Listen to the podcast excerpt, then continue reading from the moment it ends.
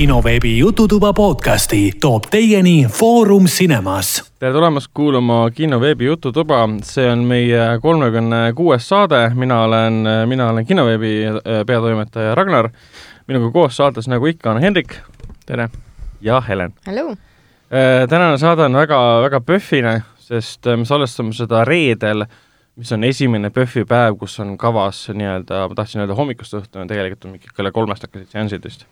Et neljapäeval toimus siis tegelikult PÖFFi avamine, aga siis oli üks, üks film, avafilm, mis tegelikult minu teada vähemalt kavas ei kordu. seda uuesti vaadata ei saa.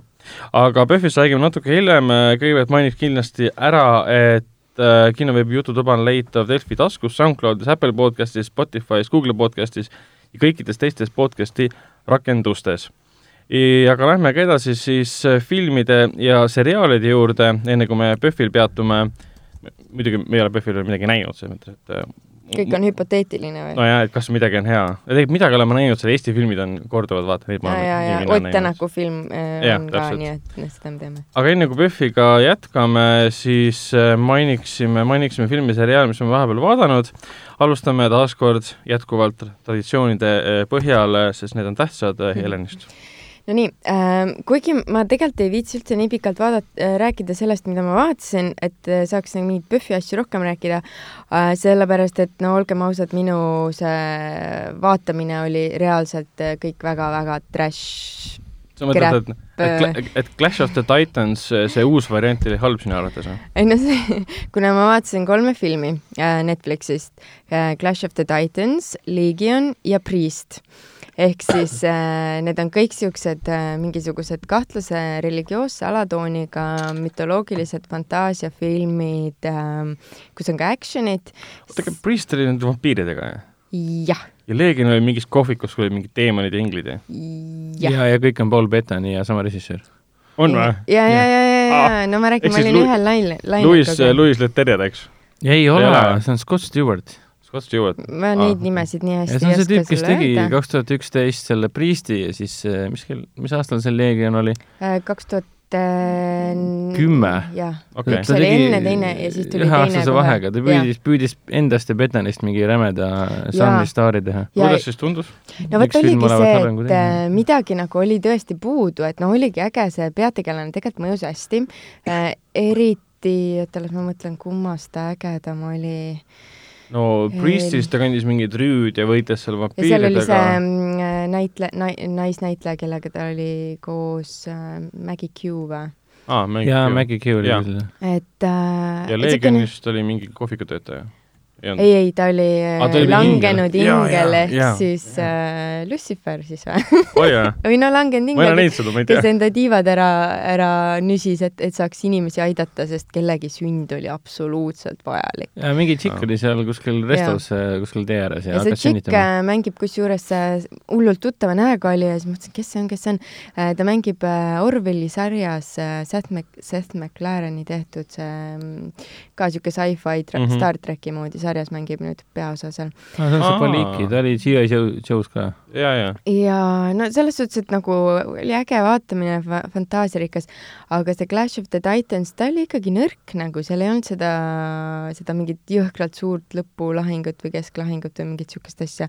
aga nad noh, ilmselgelt olid nauditavad, sest ma vaatasin kolm tükki järjest. no Clashis oli vist nagu näha, et kuhu see raha vähemalt kulus mm, -hmm. kõik need efektid ja ma mäletan, kui see välja tuli, see tehti korralikult maha, et kuna ja. Ray Harryhauseni algupärane Clash of the Titans, kus kasutati stop motion tehnoloogiat ja mm. siis esimest korda põhimõtteliselt suure eelarvelised filmid, kus olid need hämmastavad liikuvad äh, skeletid umbes mm -hmm. niimoodi, siis see uus film lihtsalt öeldi, et jaa, te kulutasite kakssada miljonit, aga teil mm. on halb näitleja peaosas ja mm. lugu on väga halb, kuigi seal oli vist laiem Nissan oli seal, Sam Worthington. jaa, no need olid siuksed, nad mängisid jumalaid, see oli suht idiootne, nagu seda ei saanud tõsiselt võtta. Ralph Fiennes või Joseph Fiennes üks Ralf neist ikka. jaa, jaa, üks neist oli seal ka. et jaa, selles suhtes küll, et näitlejad olid natukene nagu puised, aga kuna see lugu oli niisugune, siis noh, teatud mõttes sobis, et nad ongi niisugused nagu öö, öö.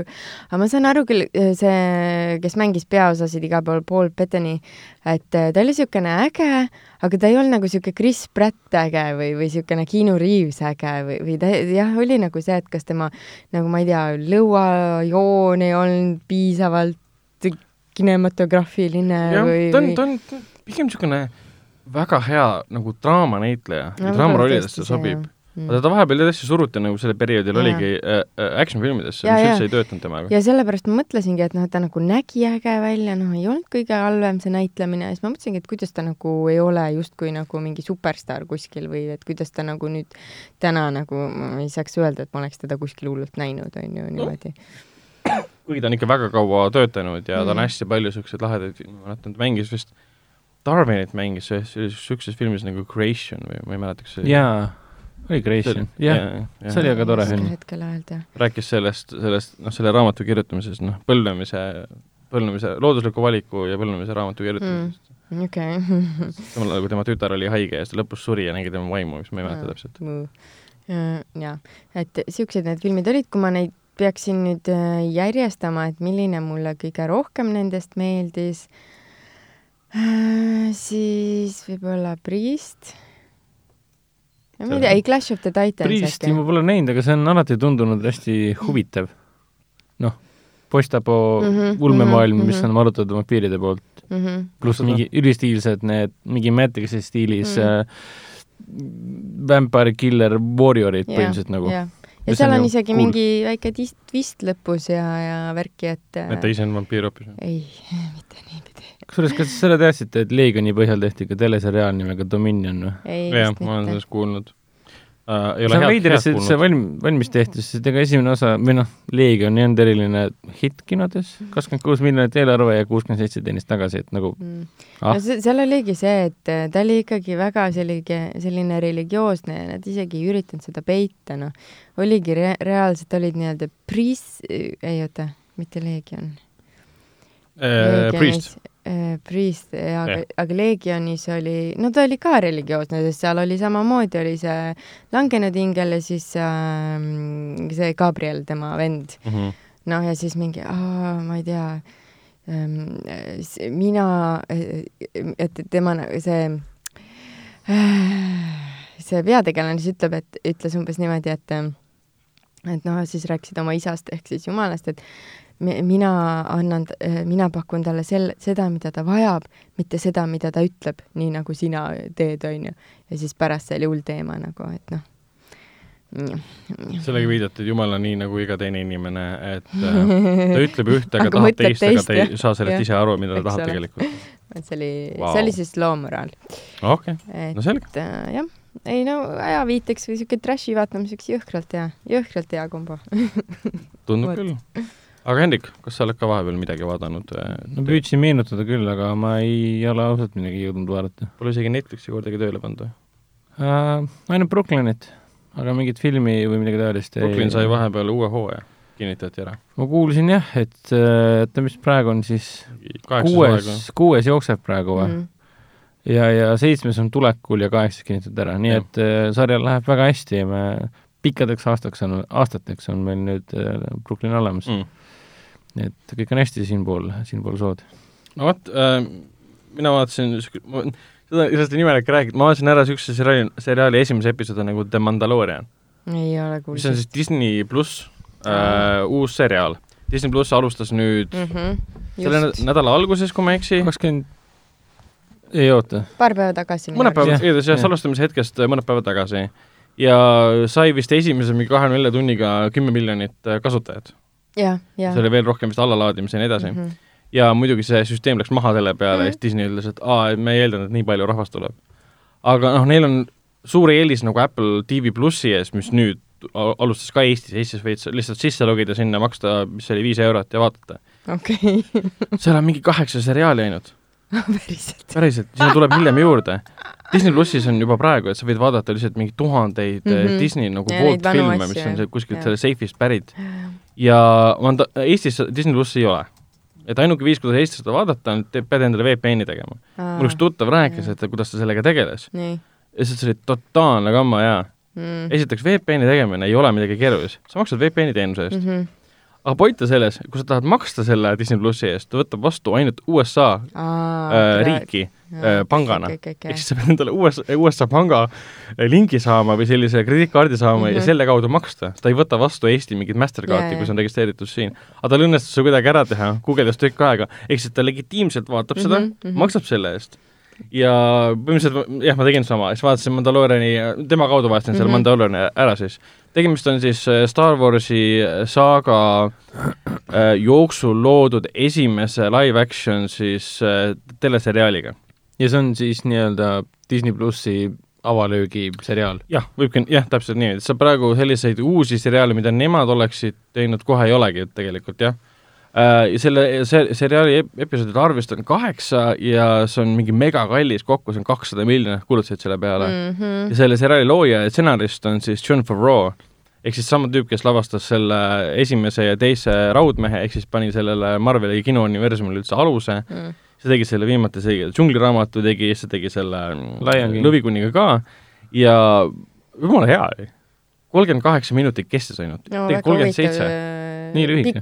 tõesti, ma olin nii üllatunud, ma mõtlesin, et see on tunni aja pikkune nagu Mhm. traditsiooniline, ei Disney teeb midagi teistmoodi, lasevad piloodina kolmekümne seitse minutise episoodi välja ja samal nädalal nüüd homme-ülehomme tuleb uus episood juba. okei. aga edaspidi hakkab tulema niimoodi, et iga nädal tuleb uus episood, Mm. et Apple, no Apple'is korra, korra, korra, ei välja ei lasegi. ei, Apple plussis on niimoodi, Apple TV plussis, nemad lasevad kõik korraga Jah. nii nagu Netflixis ja Amazonis. aga Disney ütles, et nemad uute seriaalide puhul ei tee niimoodi Mm, nemad okei. hakkavad tegema traditsiooniliselt Mhm. ja Mandalorian põhimõtteliselt leiab aset viis aastat pärast siis Return of the Jedi lõppu. ehk siis siis, kui impeerium ja kõik see Darth Sidious löödi maha, Darth Vader sai surma, ehk siis algupärase triloogia viimase osa ja, leiab uue Force triloogia Awakensi eelmise vahel. ja selle Return of the Jedi vahel. Aga viis aastat hiljem alles. ehk siis kogu see, kogu see äh, impeerium on küll lagunenud, ehk Mm. siis kogu see maailm nagu toibub sellest, et meid valitsesid äh, kurjuse nagu, kurjuse valitsejad ja nüüd siis vabariik hakkab ennast üles ehitama. ehk siis ta on põhimõtteliselt mingi kakskümmend viis aastat enne Force Awakensi sündmusi, kui oli juba see uus vabariik ja siis tuli mm. -hmm. see New Order hakkas uuesti sündima, et New Orderit praegu, praegu veel pole Mm. ja kuna see seriaal leiab aset siis selle Star Warsi maailma nagu äh, sellises äh, musta turu ja, ja maffia maailmas, nagu sünged paigad, baarid ja tänavanurgad, siis see on päris huvitav nagu vaade leitud, nurk leitud sellele, kus see sündmus võiks aset leida, et ta ei ole jälle mingite Jedi'd võitlevad omavahel umbes Mm. niimoodi. ja peategelane on siis sõna otseses mõttes Mandalorian, kes on Star Warsi universumis, nad on ähm, pearahaküttide rass Mm. Äh, Need äh, eelnevad olid näiteks Boba Fett ja Jango Fett, kes astusid üles siin, oli äh, Lucase siis teises filmis, prequel'is teises filmis Attack of the Clones, pluss ta oli siis selle, mis iganes see limuka nimi oli, Jabba. Jabba, Jabba the Hutti juures üks töötajatest, kes äh, püüdis kinni Hanni ja pani ta sinna, mitte krüptoniite, aga sinnasse aa, sinna boksi. ja sellest boksi kinni Mhm. täpselt. ja see on siis äh, äh, äh, täpselt samasugune Mandalorian, ehk siis tema igapäevane elu eksistentsi olemus seisnebki selles, et ta saab ülesanded püüda inimesi kinni, elusalt või surnult või siis elusalt ja siis sinna Mm. kar-, karboniiti, karboniiti kinnipanekuna. ja kogu esimene episood ongi see, tüüp täidab oma missiooni. aga see ongi tema teema, et ta paneb karboniiti või? Jah, jah. okei. jah, siis ta lõpus läheb, ühel hetkel satub siis, läheb juurde siis inimese juurde, kes tellis Mm. annab talle siis karboniidis need elavad inimesed üle, keda mingi viis-kuus tükki, saab raha. Ja siis episoodi lõpus on siis tohutu suur pööre, mis tegelikult Mhm. on nii suur pööre, et sellist asja pole Star Warsi maailmas kunagi tehtud Hmm. ja see, see pööre veits nagu hämmastab ka neist, kes ei tea võib-olla Star Warsist midagi, aga teavad läbi selle, et noh, me elame, elame kõik ühiskonnas ja popkultuuris, kus Star Wars on läbi imbunud nivina. et see nagu šokeeris selle koha pealt. mind ta nagu ei šokeeri, mul oli pigem see, et mis see nüüd tähendama peab. et ja ta on veits see, et see on Star Wars, seal on kogu aeg mingid lambised asjad leiutatakse, et aa, ok, see on ka asi, mida ilmselt tehakse, ma ei hakka välja ütlema, mis see on. Hmm, ära ütle. aga seriaali selle kas ma esimese, arvan, ta kasutab jõudu? ei, ei, ei, sa ei tule selle peale, sa võid pakkuda. ma annun, et sa ei tule selle peale. ma pakkusin praegu ära juba, jah? ei tule, ei, see ei ole see. sa võid, te võite poolteist tundi mulle pakkuda, see, te ei tule selle peale, mis teil ma olen suht kindel, et ma pakkusin ära. okei okay,, jätkame. mille? et äh, ei et, et ta kasutab jõudu? ei, ei, ei. jõudu siin ei ole, siin ei ole, ma ei tea veel, tegelikult Mm. seitse ta, et episoodi ta on veel. isa oli Darth Maul või? ei, ei, ei. esimese et Darth episoodi, Maul on muidugi seal või? ei, sest ta ju soolos oli, nii et Ei- ei järelikult tuleb tagasi. ei ole, ei ole. huvitav, millal Darth Mauli seriaal no Solo leidis ju kolmanda ja neljanda aset vahet. tähendab, jah, kolmanda ja neljanda vahet, aset vahet. no whatever no.. ja igatahes, point on selles, et see on väga hästi lavastatud, ta on lavastatud kosmosevesternina, puhta Mm. ja ilusa, ta nagu, kui sa võtaksid kosmose jama kõik sealt ära põhimõtteliselt, ta oleks lihtsalt vesterni seriaal. no väga hea. ja sul on maskiga tüüp, kes kordagi maski peast ära ei võta, sest ta on Mandalorian, ta jahib oma eesmärki mm., saab ülesande kätte ja kuna seal mängib Werner Herzog ka, ja, ja, ja. mängib ühte kliendi nimelist tegelast ja ta lavastas paar, ühe episoodi ka, kui ma ei eksi. klient on ta The Client, jah. okay.. ja ta on nii äge lihtsalt, sest Vene Herzog on lihtsalt äge vana. kui tema Jaa. räägib, sa mingi, ma usun sind. eriti kui ta mängib film, esimeses Jack Reacheri filmis ta mängis ka seda põhibossi ja põhipahasega seisab kuskil varjudes, vaatab sulle oma surnud näoga otsa mingi Do you know pain? I know pain. mingi ma sõin oma käe ära, nüüd söö sina ka. ja, ja, ja, ja, ja ütleme, see, mina olin nagu väga, väga t- kohe, koheselt nagu sisse tõmmatud sellesse, sest ta on ilusad kaadrid, ükski kaader pole ü- nagu üle, üleliigne või lihtsalt pandud sellepärast, et näe, meil on lahe action, näitame hästi palju mingeid CGI kolle, ei, lihtsalt rahulikult kulgemine, ei ole mingit suurt-suurt asja, et need äh, exposition tampi esimesed kakskümmend minutit, saaksid aru, mis toimub, ei mm. -hmm. jaa, ja see pluss ta ei lase liugu nostalgia peal. seda oli Force Awakens näiteks lasi meeletut liugu, ehk kui sa vaatad Force Awakensit, siis mingi aa, see on sama film, mis äh, New Hope, lihtsalt on uued nimed põhimõtteliselt. Force Awakens oligi jah, aga Mandaloorias seda ei ole, siin on lihtsalt nostalgia aspekt seisneb võib-olla selles, et äh, Mandaloori kostüüm on tuttav, sest Mm. mm. need tegelased on varem nagu ilmunud ja seal me ühte tulnukat näiteks praetakse kuskil turul, kes näeb välja nagu tulnukas, mis oli mingi esimeses, teises või kolmandas umbes Mm. ja siis teine tulnukas näeb puuris, vaatab, see on päris naljakas ka. aga see on tore kuulda, et nad on, mis puudutab siis Star Warsi live action äh, noh, filme ja see on siis esimene live action seriaal ju. jah, hästi palju on tehtud äh, CGI animatsioone ja, ja tavalisi see on siis kõige animatsioone. esimene üldse. jah, alates seitsmekümne, seda on tore kuulda, et sellesse live action kaanonisse lisandub nüüd siis midagi sellist, mis ei ole äh, Space Wizards äh, aga force, forcing around, et noh. kindlasti sinna lisandub juurde. ei no kindlasti, aga see, aga see, aga selline, selline käänuline uus nurk on hoopis huvitavam ses kuigi Jedi rüütlitega kokku sa- ei saa saada, sellepärast et me teame, et ainuke, kes on alles, ongi toonasel hetkel oli Luke Skywalker.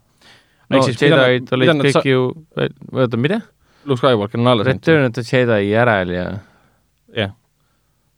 ehk siis Lu- Luke hakkas seda kooli ta ehitama rohkem. tõesti ei olnud või? ei, ei, aa, ei olnud jah? see oli Purge'il ära. Yoda oli ka surnud juba, ja, ja, ja. jah, Yoda suri ju mingi, ammu. no esialgse triloogia ajal ju oligi ainult ju Obi-Wan Kenobi, Yoda istus ja peeretas seal kuskil plane-, planeedil, siis kõnges ära ja siis oli ainult Luke, rohkem ei olnud kedagi. Ja okei, ta- Darth Vader ka muidugi, jah. täpselt. no Ja- Darth Sidious ka no muidugi, Sidi- päris jah. palju oli neid aga seal. aga kõik on surnud no põhimõtteliselt. Sitid on ka, aga noh, Siit on niikuinii anti, anti äh, aga, aga seriaal, seriaalist veel võib-olla nii palju, et seal on selline lahe selline Josh Whedoni äh, Firefly vibe ka juures mm.. no Space Western, keskkonnad, mida seal näidatakse, lihtsalt kaamera sõidab mööda ja me näeme konteksti, mis seal nagu toimub, kuidas inimesed elavad oma elu ja läbi pisikeste nagu selliste, selliste osist antakse mõista, mis, mis, mis mis, mis olukord maailmas valitseb. Näiteks ta läheb äh, raha küsima siis selle eest, et ta püüdis tüübid kinni ja talle antakse liiga välja ra vähe raha Mhm. mm. -hmm. ja siis teine tüüp ütleb, aa, mul ei ole rohkem anda, sest äh, mul on ainult need impeeriumi credits nagu mm. Mhm. -hmm. keegi ei taha neid siis, sellepärast et impeerium hävines ära mm. -hmm. ja siis sa saad aru, et isegi Mandaloorianid, kes on kõige hinnatumad tüübid üldse, nagu aukartust äratavad tüübid, suurimad võitlejad, isegi neile ei saa enam maksta raha. ja siis nad lähevadki nagu nii äh, nagu, kuidas nüüd öelda, kaugele, et võtavad vastu ülimalt rasked ülesanded ja siin ongi see, et võtab ülimalt raske ülesande vastu, kus ta saab teada, et mitu on varem surma saanud Mm. aga ainult sellepärast, et ta saab palju raha, sest kõik lok-, lokkab vaesus põhimõtteliselt mm.. aga ja kõik- igal, igal pool on ju vaata tegelikult see on nagu pärast teise maailmasõja lõppu, igal pool on endised natside nii-öelda mm Mhm. -hmm. sümpatiseerijad, siin on endised impeeriumi mm -hmm. sümpatiseerijad, need, kes tegid nendega koostööd, kes lõi kellele noa selga, nüüd on rahuaeg, kõik mingi ma tõmban su tänavale, lasen su maha selle eest, mida sa tegid impeeriumi ajal, mis sa said endale lubada nagu. põhimõtteliselt maailm, kogu see galaktiline maailm on seal ju noh, suht kaoses ju. impeerium hävitati ära ja impeeriumi jooksikuid on nüüd ju igal pool, sümpatiseerijaid on hästi palju tegelikult, mässulistel on oma seesamune valitsus küll olemas, aga need ei kontrolli suurt midagi. aga see on vei- veits, kui sa vaatad Force Awakensit, see veits nagu hävitab ära kõik selle, mida see Mandalorian võib-olla teeb, kui ta tu- tutvustab seda, kuidas New Republic ehitab uuesti üles vabariiki.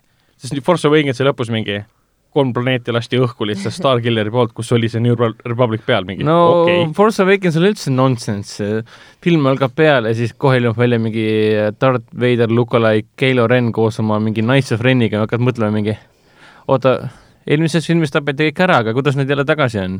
ja siis ühes lauses mainitakse, jaa, nad on kuskil pimeduses taastanud ennast, need sitid mingi. oot, mida?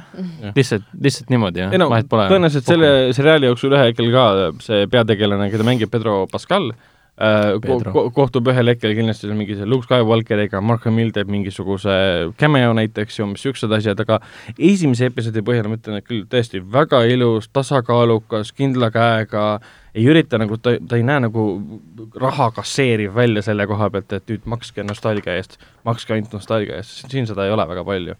ja kui sa vaatad kõiki neid Star Warsi filmide treilereid ka äh,, esimeses pooles on uued asjad, teises pooles on see, et aitäh, et sa kannatasid esimese poole ära, teises pooles on nostalgia, nostalgia, nostalgia mm. -hmm. lennub Frank, Falcon lendab ja mingisugused asjad põhimõtteliselt. ja siin mm -hmm. seda tunnet üldse ei ole ja okay. mulle mulle väga meeldis kusjuures äh,, kusjuures treilerite põhjal tundus jah, täpselt niisugune olevat, et me teeme nüüd spaghetti westernit põhimõtteliselt Mhm. kosmoses. umbes sama, mida Firefly juba tegi. see Firefly võrdlus on väga tore, sest noh, Firefly poleks Star Warsi, poleks Firefly'd ja võib isegi öelda, et poleks Firefly'd, poleks ka Mandalooriani, et noh, ma ei tea, nii kaugele ta saab minna, aga ütleme nii, et need mõjutused on, on olemas. kusjuures treilerite põhjal mingi üks klipp oli ka, väga meenutas mulle äh, Garrett, Garrett Evansi, Evansi? kurat, kes selle Rogue One'i nüüd tegi? Edwards, jah, kes, Godzilla režissöör Jah. jah, väga meenutas mulle Garrett Edwardsi Rogue One'i stiili veits visuaalselt näebki Rogue One'i stiilis välja, jah. rohmakas shaky cam ja kõik on niisugune maapealne down and dirty kohati ja rohmaga shake imisel ei ole. vähemalt treileris on näha, et treileris on roh-, rohmaga kokku lõigatud. aga kohati jäi niisugune tunne, et noh, meil on niisugune rough and tough niisugune triller, et noh, teeme, teeme oma oli, asja Rogue ja One oli ka esimene, mis näitas ärge siin oma lightsabereid oodake ja teeme Rogue One oli ka esimene, mis näitas Dark Underbelly't selle koha pealt jah, alles hiljuti näidati uuesti ka, vaatasin algust ka, et noh, nii hea film ikka. mm.. ma olen muidugi ainuke, kellele see film meeldib. mulle ei meeldinud väga jah. aga ei, Mandalorian on tore, ehk kui viitsite vaeva näha Disney plussi endale tegemisega, siis või võite vaadata, kui ei viitsi, siis vaadake Apple TV plussi, et mingit infot üldse on, millal see peaks tõenäoliselt mitte kunagi. ei Lääne-Euroopasse pidi tulema nüüd äh, järgmise aasta kevadel või midagi laadset, alles. jah. ja me ei point on ju selles, et äh, point on ju selles, et Disney plussis on kõik Disney asjad. Aga kõikide Disney asjade, asjade nii-öelda õigused, leviõigused on müüdud eraldi piirkondadesse. mm.. ehk siis nad- ei saa teha seda universaalselt, vaadake kõik, sest Mm. teatud riikides pole õigust näidata lihtsalt. tõenäoliselt võtab lihtsalt aega, et makes no sense, et lepingud saavad ühel hetkel läbi, lihtsalt peab seda, selle järele ootama põhimõtteliselt, on kõik. okei okay., no selles mõttes, et tundub, et noh, makes, makes no sense, et nad ei, üldse kogu maailmale välja ei lase seda. no enamikele. no Netflix alustas ka ainult kui me istume siin Amazonis ja Netflixis, siis me oleme ju äh, noh, suht rahaauk ju mm.. Venemaal ka ei ole ju. mõttes, et Disney on Disney, kõik tahavad Disney vaadata. aga kuidas, huvitav, kuidas seal keelega üldse on, ma pole kuul-, guugeldanudki. mis mõttes? dublaaži, kas seda saab muuta ka üldse seal või? Noh, vanade filmide puhul, ma ei tea, mingit tumbo animatsiooni ja nii edasi. kas see on ainult inglise keeles või saab seal ka vaadata, ma ei tea, Hispaania ja ega Netflixis on see valik üsna väike. no ja seal ikkagi on ma valik ei ole. kunagi vaadanud tegelikult. Eesti keelt ei saa, aga seal ikkagi valik on seal selles on jaa, soome keel on küll Eesti asjadel mõlemad. Apple TV-s on eestikeelsed subtiitrid olemas selles mõttes. Aga Disney see, miks peaks olema? jah, Oh igatahes my see oli, see oli siis see seriaal.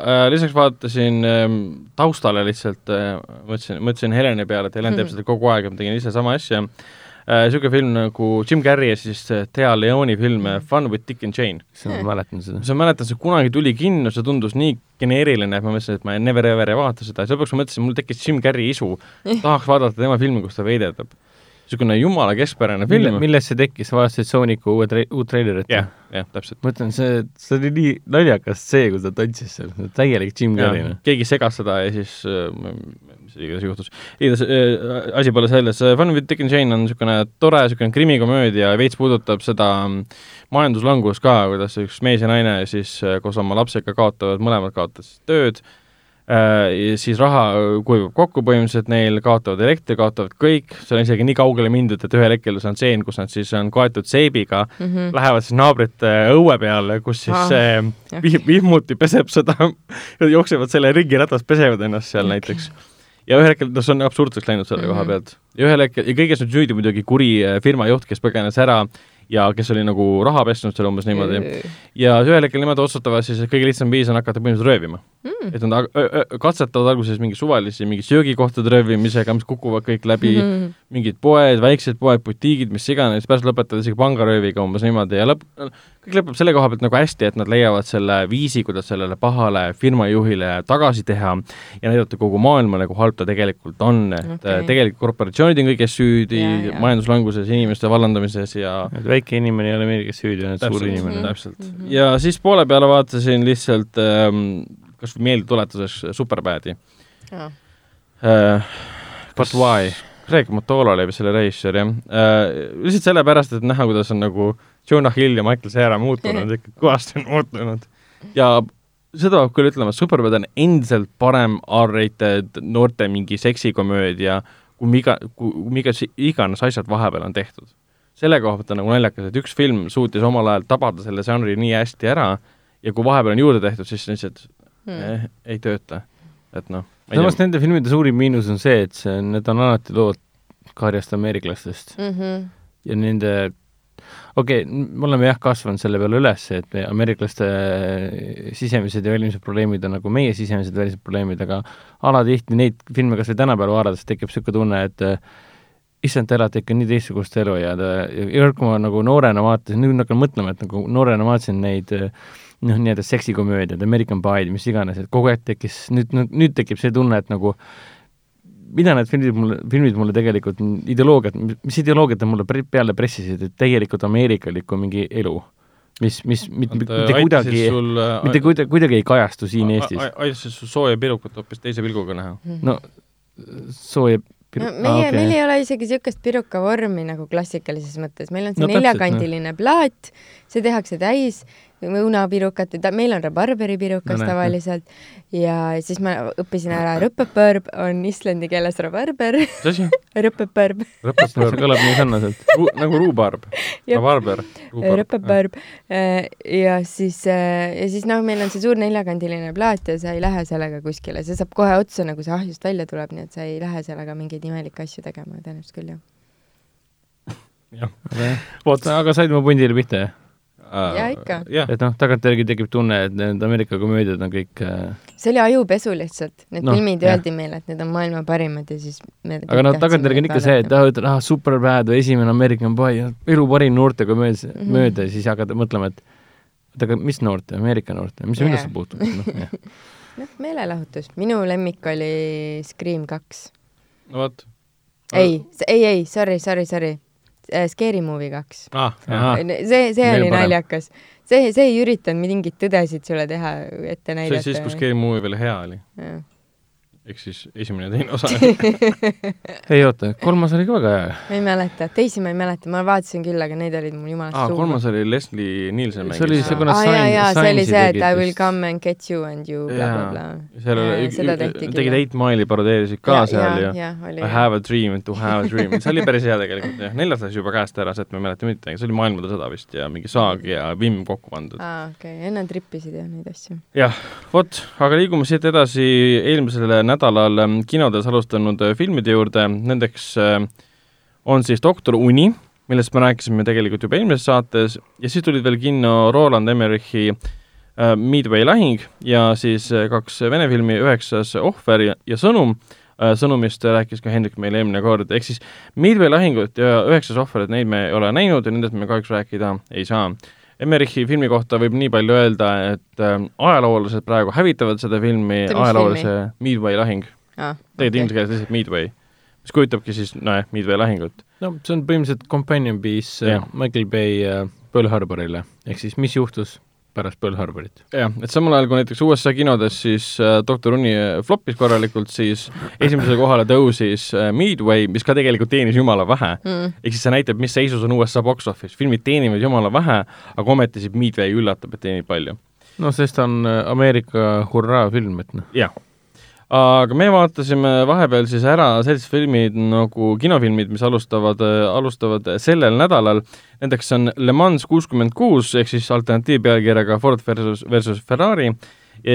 siis muidugi uus Charlie Inglite film, mille nimi on lihtsalt Charlie Inglid ja siis õudusfilm Nemad.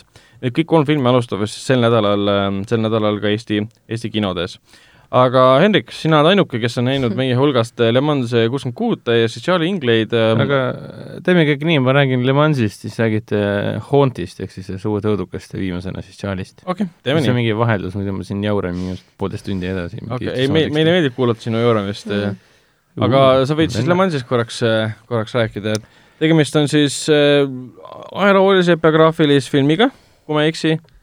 jah ei, ma naersin, et sa ütlesid, et noh, Enna, räägi mulle siis äh, Ford Ferrarist ja siis hakkasid ise rääkima äh,. igatahes Le Mans kuuskümmend kuus tegelikult jah, see on äh, teistel Suurbritannias ja mujal territooriumitidel on ta Ford. Ford versus Ferrari, aga tegelikult siin noh, mei-, meil, meie tunnetame Le Mans kuuekümne kuuena aga jah, tegemist on siis äh, James Mangoldi ehk siis Walt Delaini ja Logani režissöör, äh, stsenaristi täiesti uue filmiga, kestab kaks ja pool tundi. issakene, miks? ta on päris, päris korralikult rallib jah, seda pikkust nii-öelda. aga, ja peaosades siis vana hea Matt Damon ja veelgi vanem hea Kristen Bale, kes taaskord noh, nagu me arvata võime, teeb siin niisuguse transformatiivse rolli, muudab oma äh, kõnemaneeri ja oma kehahoiakut, täiesti mm. teistsugune inimene. Peil on ikka hull, selles mõttes seekord ta mingit väga suurt kehalist, füüsilist äh, ähm, kuidas seda nüüd öelda? muutust. muutust või ma tahtsin öelda retsimist endaga ei tee okay.. aga, aga, aga ta on väga teistsugune, ta on nii britt siin filmis. kõige hmm. esimene asi, mis mind ehmatas, on see, et aktsent ka, jah? ta räägib nii rämeda briti aktsendiga, see on no, Peil vist räägibki tegelikult. jaa, aga ta ei ole kunagi rääkinud niimoodi ta räägib siin nii kõvasti, et sa korraks jääd nagu paigale, et oota, mida? Vau. aga see on see üllatav faktor selle Nagu- koha pealt, jaa, tihtipeale näitlejad ei räägi oma aktsendiga ju filmides. jaa, Mhm. aga siin on ta niimoodi, et ta nagu niisugune valjult britt, et noh, niisugused mingid imelikud briti väljendid ka, mingi pillock või mingisugune oh blimey mate ja kõik niisugused Mm. mm. asjad, et noh. igatahes, millest siis film räägib? ta räägibki siis nii, nagu alternatiiv, alternatiivpealkiri Ford versus Ferrari vihjab, ehk siis äh, Ameerika autotööstuse lipulaev Ford äh, otsustab, et nemadki tahavad osa saada kõikidele mm, Ferrari autodele, Enzo Ferrari, Enzo, jah, Enzo Ferrari autodele, Ferrari autodele osaks saanud hiilgusele, sest äh, Ferrari on juba mitmeid, mitmeid, mitmeid aastaid osa võtnud maailmakuulsast Le Mansi äh, ringraja võidusõidust, mis kestab kakskümmend neli tundi Mm. mm. mis on väga lahe tegelikult, kogu see kontseptsioon, et filmi viimane, filmi teine pool põhimõtteliselt, või noh, et filmi viimased nelikümmend seitse minutit, ma jälgisin kella, ongi eh, Le Mans kaks, kakskümmend neli tundi, mis on, seda oli väga äge vaadata, kuidas, kuidas täita nelikümmend seitse minutit niimoodi, et me alustame kell kaksteist hakkame sõitma ja siis sõidame kakskümmend neli tundi järjest, et seda oli väga põnev vaadata. muidugi need auto, need juhid vahetuvad muidugi, sest üks juht ei sõida kogu aeg, see on, see on absurdne. põhimõtteliselt Ford tahtis kuidagi paista silma, ta tahtis olla ka Ferrari. Sest muidu oli tahtis ka võita Le Mansi põhimõtteliselt. jah, aga ainukene, miks nad seda teha tahtsid, see oli väga huvitav, see kontseptsioon, et John Benthal mängib ka siin. ja John Benthal, ehk siis me teame ta Punisherist ja muidugi sealt äh, Scorsese Jordan Fel-, Belforti filmist äh,, Benthal on Benthal. ta on kogu aeg täpselt samasugune, ta pea liigub ja siis ta on niisugune jõmm ja nii edasi, et kui Benthal alati teeb seda ka, kui, kui peategelane teeb mingisuguse vastukäiva otsuse, mis kellelegi ei meeldi, siis Benthal on mingi umbes niimoodi, et ma jaa, boss, ma ei ole sellega nõus ja samal ajal vaatab selle peategelase poole mingi you go girl, et noh, ta on kogu aeg niisuguse näoga, et mingi, ta sobib nii hästi. samas ta on veits tüütu, sest nagu samasugune. jaa, ma mäletan, ma mäletan typecast itud alates sellest uh, Walking Deadi rollist. Ta on keegi see- lihtsalt ei taha teda teises ta- rollis nagu ta näha on jõle sümpaatne ja ta toimib mm.. igal juhul Ford siis tahab ka saada Ferrari'ks, ehk siis ta tahab saada äh, kiireks, seksikaks äh, spordiautoks nii-öelda, mida nad enne ei olnud põhimõtteliselt. eks neil tekkiski see küsimus, kuidas äh, oma, oma tulusid suurendada, ehk siis äh, nii-öelda keskmiselt kõik, vahepeal on pärast sõda on inimesed rikkamaks saanud, kuuekümne kuues aasta, noh, kuuekümne kuue aastaga lõpeb nii-öelda film. inimesed on rikkamaks saanud pärast sõda, kõik need, kes on koju tulnud äh, sõjast, tegid hästi palju lapsi, lapsed kasvavad suureks teisest maailmasõjast. aa, see oli neljakümnendal. Jaa, aga seal on neljakümne viiendal lõpus. nelikümmend viis ja ku-, kuuskümmend kuus ei ole nii suur vahe tegelikult, on- midagi. eriti kui rääkida lastest, kes üles kasvavad pärast sõda. okay.. selles mõttes paljud noored, kes käisid seal, on endiselt elus ja neil on lapsed ja no siiamaani nende, räägivad nende oma- point ongi siis see, et kuidas müüa maha äh,, esimest korda on äh, nendel noortel raha taskus, kes teenivad ropult palju raha äh,, kuidas neile maha müüa Fordi, mis on täiesti ebaseksikas pereauto mm. -hmm. Ehk siis okei okay,, lähme Le Mansile, ehitame superauto oma superinseneride ja supersõitjatega, paneme Le Mansi kinni ja, ja saame uueks Ameerika Ferrari'ks nii-öelda, kõik ihaldaksid meid, mitte mingit välismaa Mhm. toodangut nii-öelda. ehk siis toome nii-öelda raha tagasi Ameerikasse, sihukese, sihukese ideoloogiaga film nii-öelda mis tegelikult tollal niimoodi oligi.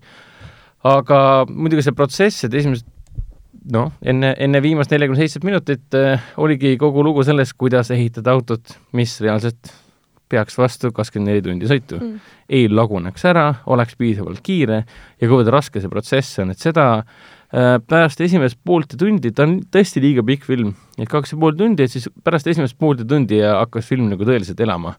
ehk siis me näeme Matt Damoni ja Kristen Bale'i tegelase suhet, Matt Damon on siis insener ja Bale on põhimõtteliselt automehaanik ja, ja, ja mitmekordne äh, võidusõidumeister, kes on väga raske iseloomuga, keda ei sallita väga, et Ford ka teda ei salli, ehk siis ta teenib piisavalt, et ennast ära elatada ja tal pole vaja suurettevõtet, kes seda põputaks.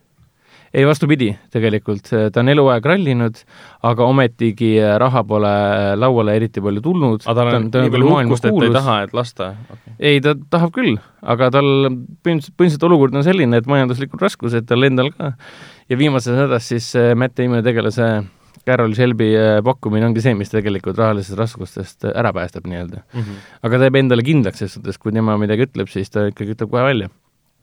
ja ta tekitab väga palju probleeme ka Fordile, ehk siis see Ken Miles justkui, ehk siis see äh, Bale ei ole justkui Fordi mees, seda, see kõlab treileris ka, et he's not a Ford guy, ehk siis ta on liiga isemõtlev, liiga iseseisev, liiga mölisev ja annab liiga lõuksi andev ja nii edasi. et äh, põhimõtteliselt see kogu film keskendubki selle inseneri ja võidusõitja dünaamikale, nende omavahelisele suhtele äh,, suure korporatsiooni suhtele äh,, kuidas jõuda Ameerikast välja ja võidelda Enzo Ferrari'ga äh,, kes on tegelikult, keda kujutatakse filmis seal viimase, viimase neljakümne seitsme minuti jooksul, nad istuvad, bossid istuvad kõik seal äh, tribüünidel ja teda kujutatakse ette nagu mingisugust rämedat Itaalia mafioosnikku, et kaabu, must kaabu ja must mantel ja mustad prillid ees ja nagu mingisugune padre, et noh, niisugune väga rets värk. kui teda Aga- esimest korda näidatakse, kas siis kostub mingisugune seal mingi esimest korda need... pärit muusika ka Jaa, nagu ei, ei, ei, siis ta lihtsalt istub oma, istub oma selle eh, toolikese peal ja vaatab neid Fordi tüüpe mingi mm. -hmm. aga muidu väga stiilne äh,, lõbus äh,. minu jaoks ta, ta on liiga pikk ja ta mõju- mõjub mulle natuke tüütult, puhtalt sellepärast, et sellist äh, kuidas seda nüüd öelda, biograafilise mõõduga filme noh, täpselt samasuguse kujuga ja mõõduga ma olen ikka korduvalt oma elus näinud, et selle koha pealt Le Mans kuuskümmend kuus ei ole kuidagipidi üleliia originaalitsev äh, või teistsugune, ta pigem kinnistab fakte, et jah, James Mangold on tugev režissöör, jah, ameeriklased suudavad teha tegelikult sajaprotsendilise täpsusega umbes samamoodi, nagu nad ehitavad seda võitmatut Fordi autot, millega äh, Le Mans võita. Äh,, jah, nad oskavad teha suurepärast draamat, nad suudavad, oskavad teha väga ägedaid karaktereid, väga naljakaid biite, noh, momente nii-öelda, mis siis kinnistavad või eristavad teisi tegelasi, väga ägedad äh, dramaatilisi arenguid, kõik on justkui perfektne nagu sada protsenti Ameerika kino, seda on kohe iga poolt, iga poolt näha, ka sellest pikkusest on näha, kõik need kaadrid ja nii edasi, et ta ei ole mingi Michael Bay muidugi mitte, ta mõjub pigem nagu väga eeskujulik, niisugune võimas, motiveeriv autospordidraama nii-öelda. aga seal see nagu see, minu jaoks see probleem oligi, et ta noh, ma olen näinud neid filme, esimesed, ma ei tea, ma pakun, et kolmkümmend, nelikümmend minti mõjus küll umbes niimoodi, et kuule, et äkki oleks võinud äh, Martin Scorsese seda filmi lavastada, sest Wolf of Wall Street oli ka autobiograafiline film, aga see oli ju mingi, kas ma nüüd eksin, et kaks tundi ja nelikümmend viis minutit mingit Pure fun nagu. Nagu rämedat blockbuster komöödiat, et noh, et noh, ütleme nii, et Scorsese stiili Belfordi autobiograafias, biograafiaga ei saa mitte kuidagi võrrelda selle, seda, mida tegi Mangold siin Bailey ja Damoniga. sa ütlesid, et see on biograafiline film osaliselt, millega film algab? kas ta algab lõpuga või? ei, ei olegi Ei. aa, jumal tänatud. filmi esimene ta tseen on graafiliselt filmitud, alustab lõpuga, siis peategelane meenutab seda, mis juhtus, mis viis selle hetkeni. Carol Shelby, keda kehastab siis Matt Damon ise, on äh, varem võitnud äh, Le Mansi. mitte küll äh, Ameerika autoga, see oli nüüd esimene kord siis üldse kuuekümne kuuendal aastal, kui Ameerika autod võitsid. pärast seda nad võitsid mitu aastat järjest, lõid Ferrari täiesti rajalt maha nii-öelda Hmm. mm.. aga temaga oli see teema, et ta võitis ära, aga pärast seda ta ei saanud enam sõita Miks? äh, tervislikel põhjustel. põhimõtteliselt okay. kui ta oleks sõitnud, siis ta oleks riskinud oma noh, põhimõtteliselt surmaga. mingi süda oleks üles võtnud. põhimõtteliselt jah, et seda on väga hästi välja mängitud ka, et ta ei, see on ka tore, et inimesed mõnitavad või noh, üks tüüp seal nagu mõnitab teda ka, et noh, ma saan aru küll, miks sa enam sõita ei taha, et sa ei julge enam, et noh, ja siis muidugi see Shelby on piisavalt ülbe, et ta ei ütle midagi, et mingi okei okay,, kuuluvad, see on toredad asjad, läheb teeb oma elu, elu edasi, et noh, ütlen, et ta on väga iseteadlik ja tore film, ta on noh, lõbus vaadata, ta on muhe, ütleme nii, et soovitan igale ühele, kellele meeldivad tugevad ägedad draamad. aga lihtsalt, mis puudutab äh, noh, võtame jälle selle Scorsese võrdluse ja kui sa näed, tahad näha erakordset draamat, siis on Scorsese. ja kui sa tahad näha tugevat Ameerika kino, siis on Le Mans kuuskümmend ehk kuus. siis klassikaline. ta on klassikaline jah, seda, seda nad küll, aga samas need, kui, kui teha sellisest loost filmi, tegelikult üsna keeruline mõte ju. noh, esimesed pool filmi me paneme kaks tegelast kokku, teisene pool filmi ehitame maja või noh, nii-öelda autot, ehk siis ehitame maja from the ground up mm Mhm. -hmm. nii-öelda, literaali, proovime kogu aeg, siis laguneb ära ja nii edasi lõpuks läheme võistlema, et that's the whole movie. Mm. et noh, oota, kas seal on nagu peale selle, et seal on nagu peategelaste vaheline pinge ja peale selle, et selle pinge seisneb selles, et kas me jõuame õigeks ajaks masina valmis ja kas on mingi muu pinge tuleb ka? jah, kas siis sellest, et äh, Shelby läheb uuesti sõitma ja saabki äkki viga siis või, või ja seda ma ei või- hakka sulle avaldama kas- praegu, sa pead sellest filmi nägema kas. see näiteks, kui nad testivad masinaid, tekib mingi eluohtlik olukord ka? no ikka, isegi täpselt, treileris täpselt, oli jah, selline, täpselt selles kogu point ongi, et äh, filmis on tegelikult väga palju pingeliine, et sul on tegelastevaheline pingeliinid, siis on äh, äh, nii-öelda mm, peamised ajud, kes autot loovad versus korporatsioon, kes tahab oma asju kogu aeg saada mm, mm. nemad tahavad asju, mis on nagu fantaasia, fantaasiakillast nii-öelda, samal ajal kui insenerid ja autojuhid mingi kuule, jääme realistlikuks, teeme nüüd auto valmis, mida te ajate siin oma turunduste taga ja nii edasi. Sihuke, sihuke konflikt on kogu aeg sees siis on ka ülejäänud maailm nii-öelda, et äh, Le Mans läheneb ja läheneb, üks Le Mans läheb mööda, Ferrari jälle võidab ja nii edasi. auto mi- on ikka liiga raske, mingi Mm. pool tonni, pool tonni on vaja nagu, mis vähemaks, mis võtta. see ajaaken neil oli muidu? minu meelest on mingi paar aastat ehitasid seda. Mm. vähemalt filmi järgi ma nägin, et seal on öö, Nad võ- võtsid oma esimese versiooni autost ja läksid Le Mansile ja seal nad kaotasid. ja, ja järgmine kord siis nad juba võitsid, äkki siis oligi üks Le Mansile möödus, nii-öelda, enne kui nad auto lõpuks valmis said. Mhm. selles mõttes väga, väga kõva film, lihtsalt minu jaoks on ta, mõjub ta kohati liiga Oscar peitina, et on üks nendest filmidest, et kui sa pole seda filmi näinud ja siis Oscari nominatsioonid kuulutatakse välja ja Le Mans kuuskümmend kuus saab kõik nominatsioonid endale No. siis sa võid väga vabalt öelda, et ma ei ole seda filmi näinud. aga ma tean, milline see on, jah. täpselt, et selle treileri põhjal, selle promomaterjali põhjal ma võin öelda, et tõenäoliselt on kõiki neid äh, nominatsioone väärt, Mhm. sest ma juba aiman, milline film see on.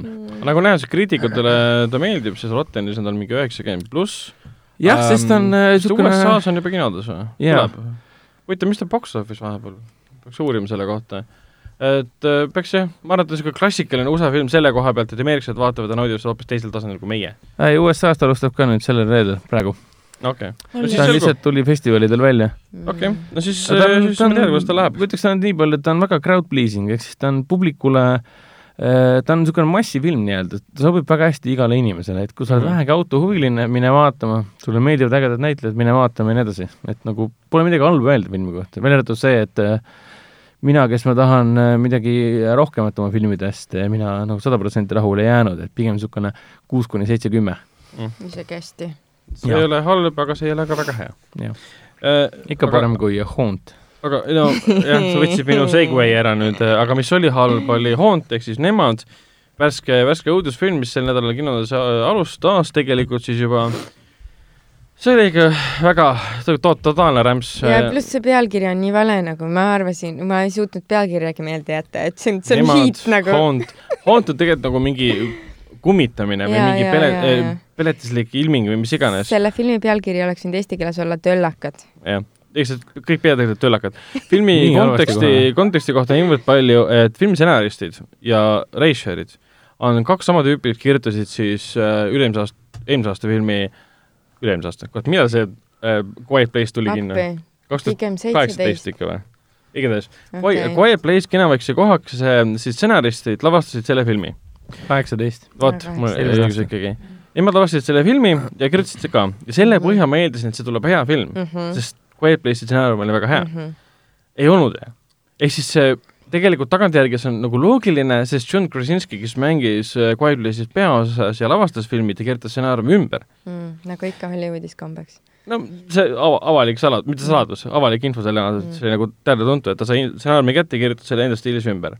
ja siis need tüübid, kes hiljuti ka tegelikult Twitteris või kuskil jagasid õpetusi, kuidas jaa, see oli Hollywoodis päris hea point nagu. seal, oota, ma ei mäleta täpselt, mis punktist ta välja oli toodud kõik, aga seal seal oli mingi kümme erinevat punkti, et ma ei tea ah, eh, keegi saadab su ära, siis tee uuesti Jah. ja noh, ikka Põhimõtteliselt- klassikaline. noh. kakskümmend punkti põhimõtteliselt sellest, et fail, fail, fail, fail, fail, kakskümmend aastat on möödas, ei õnnestumine. Ehk siis nad kirjutasid omaenda karjääri. Mm. et Quiet Place oligi nende esimene Mm. õnnestumine. ja nüüd on siis järgmine läbikukkumine. põhimõtteliselt Haunt on tüüpiline slasher noortest, kes lähevad Halloweeni ajal, see film tuli film tuli natuke liiga hilja, Halloween on läbi. Lähevad õuduste majja ja üllatus-üllatus, õudused, mida neile sealt demonstreeritakse nagu meelelahutusena, osutuvad tõeseks ja neid hakatakse seal tapma. aga no ütleme niimoodi, et äh, selle filmi kõige suurem äh, miinus oli see, et ta hakkas tunduma alguses nagu intelligentne film Jah. või selline, et oodake nüüd, me teame, mis me teeme mm. -hmm. et äh, me nüüd loome siin seda karakterit, me loome siin seda liini, me siin vaikselt hakkame neid tegevusi sisse panema, aga siis me lähme jälle järgmisse kohta, kus järsku needsamad tegelased muutuvad väga niisuguseks äh, tuimaks, üheülbaliseks ja see õudus või need õudsad poisid, kes seal olema peaksid, poisid ja tüdrukud on ju, et nemad nagu ka, nemad nagu tunduvad ka korra, et nad on ka võib-olla intelligentsed, see on, seavad lõkse ja teevad mingisuguse mm -hmm. pahandusi, on ju, aga siis nad muutuvad jälle mingisuguseks äh, ajudeta ameerikalikuks nendeks redneckideks või Jah. või need, kes nagu a la omavahel seal paljunevad ja neil on mingid kahtlased näod, lõustad ja ma ei tea no väga palju spo- ei spoili, aga põhimõtteliselt no see, need maskid üldises- ju, see maskid. üldises mõttes on kõik õige, jah, et äh, ja siis no oligi see, et ja siis ta lubas pidevalt üht-teist ja siis mitte midagi ei juhtunud. ja millest äh, minul oli ka kahju, oli see, et me tegelikult neid äh, siukest kille ju ei näinud väga ja.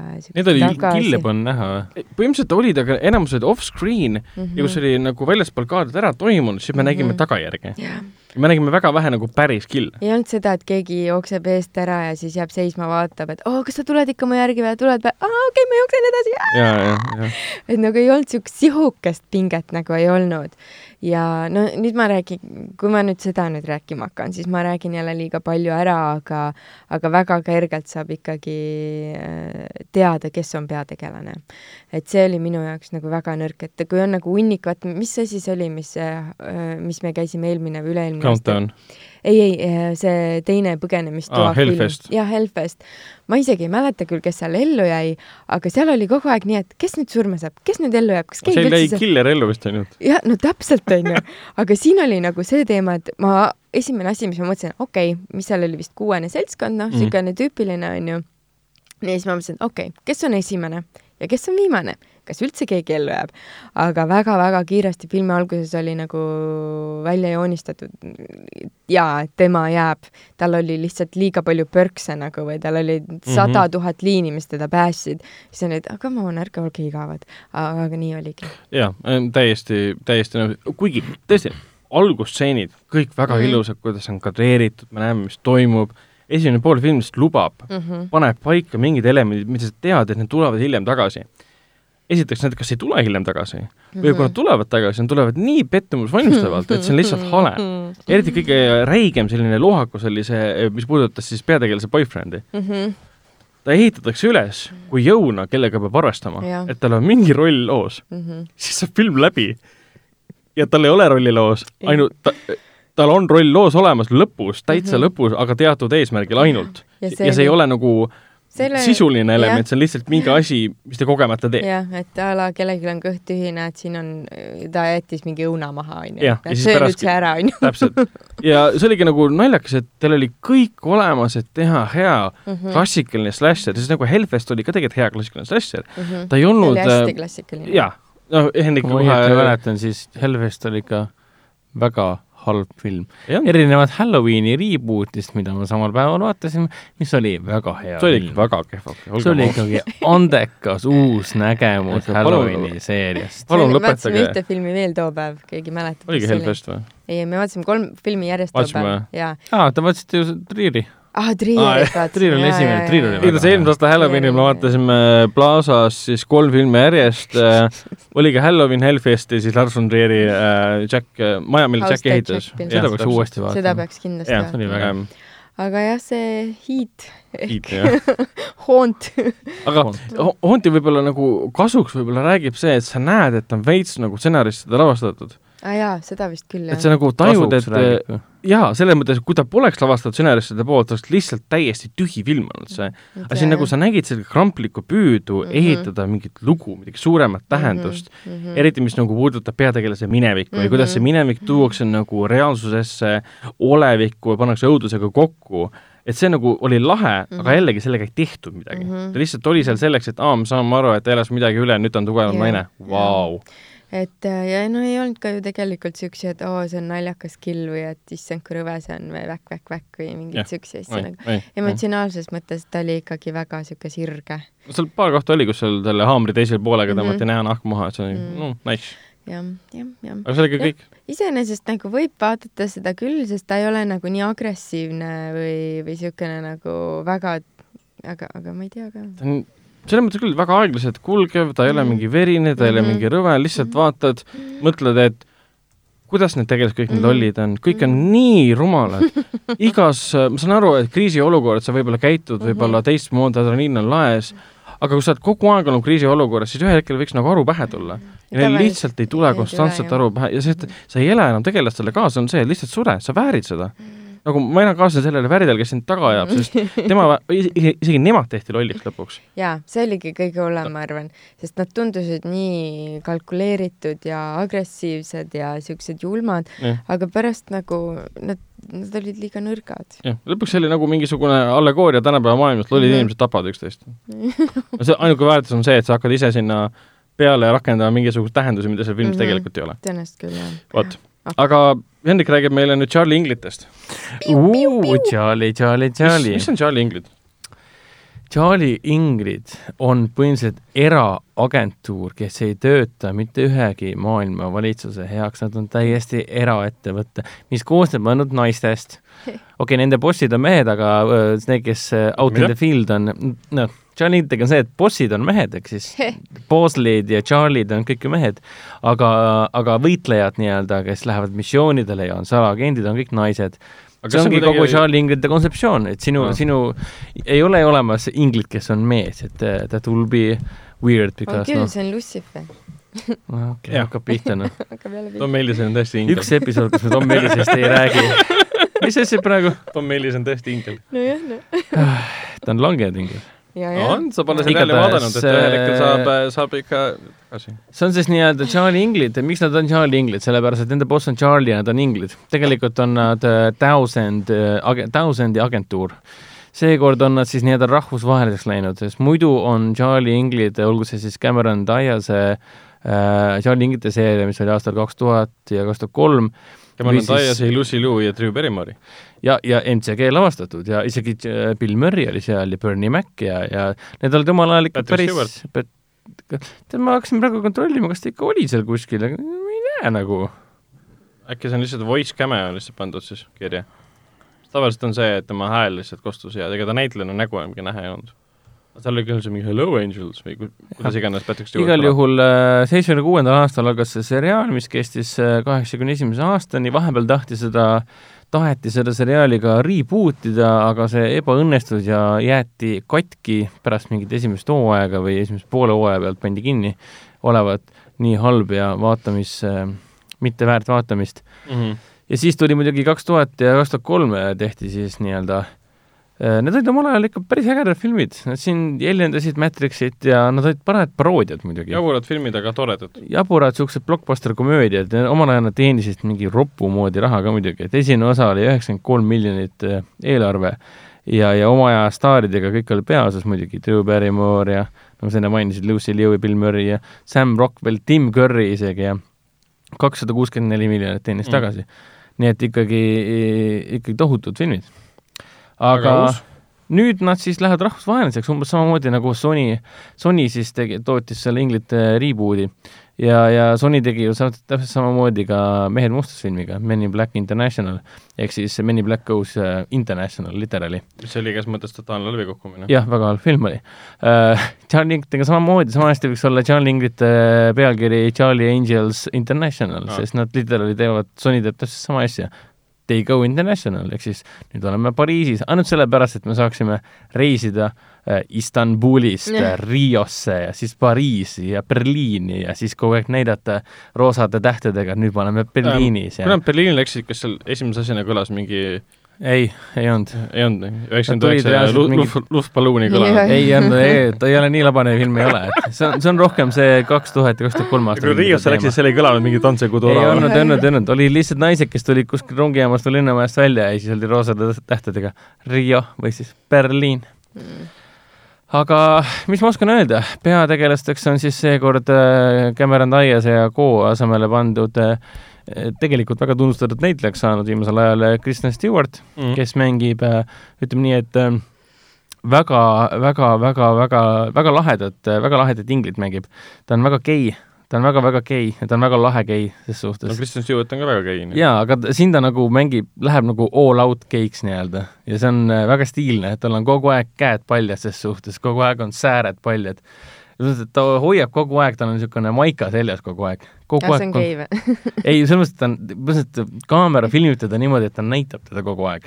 kogu aeg on kaameras, kogu aeg lingerdab seal kaamera ees. tuletame meelde, et see ei ole male gaze, sest filmi režissöör on äh, naine, Elizabeth Banks on siis filmi režissöör. aa. Banks või, issand, ma ei teadnud isegi see vist on ise tema, mängib ka seal, jah. jaa, ta on peaosas ka. see peaks olema tema teine režissööri töö pärast Pitch Black, Pitch Blacki või? Pitch Perfect kahte Ah. Ehk siis Lauluasjad kaks. igatahes see Kristen Stewart on siin väga kihvt. ühes peaosas on ka Aladinist, uue Aladini reboot'is või noh, live action remake'ist pärit Naomi Scott, kes mängib niisugust tavalist everyday chicki, kes satub siis inglite ja, ja, ja teiste agentide omavahelise kähmluse vahele. ehk siis klassikaline, umbes nii nagu see Spy Who Dumped Me Mm. ehk siis mingi oh my god, what is happening kogu tema on siis äh, värske äh, värske roheline, kellele õpetatakse, kuidas asjad töötavad. tema on see, kes okay. istub kuskil äh, auto tagaistmel ja karjub, et miks mind keegi tulistab, mis praegu toimub, kas te olete mingi lady spy'd või? et kogu aeg on sihuke, et tema esim-, filmi esimene pool on tema, tema karakteri areng on umbes selline, et ta küsib küsimusi, ehk siis noh, me justkui peaksime no, okay, temaga samal tasemel olema, et siis kogu aeg saame mm -hmm. uut infot. Aga samas, kuna see on reboot, siis ega väga palju siin pole vaja selgitada, me juba ammu teame, mis see kontseptsioon on, et Mhm. ainuke uus asi on see, et äh, neid bosslisid ehk siis nende bossid, need vahendajad, Charlie vahendajad, neid on väga palju, ehk siis meil on rahvusvaheline, igal pool on bossli, see on nagu äh, auaste äh,. Banks ise, Banksi tegelane ütleb, et bossli on nagu leitnant, ehk siis igaüks äh, võib olla bossli äh,.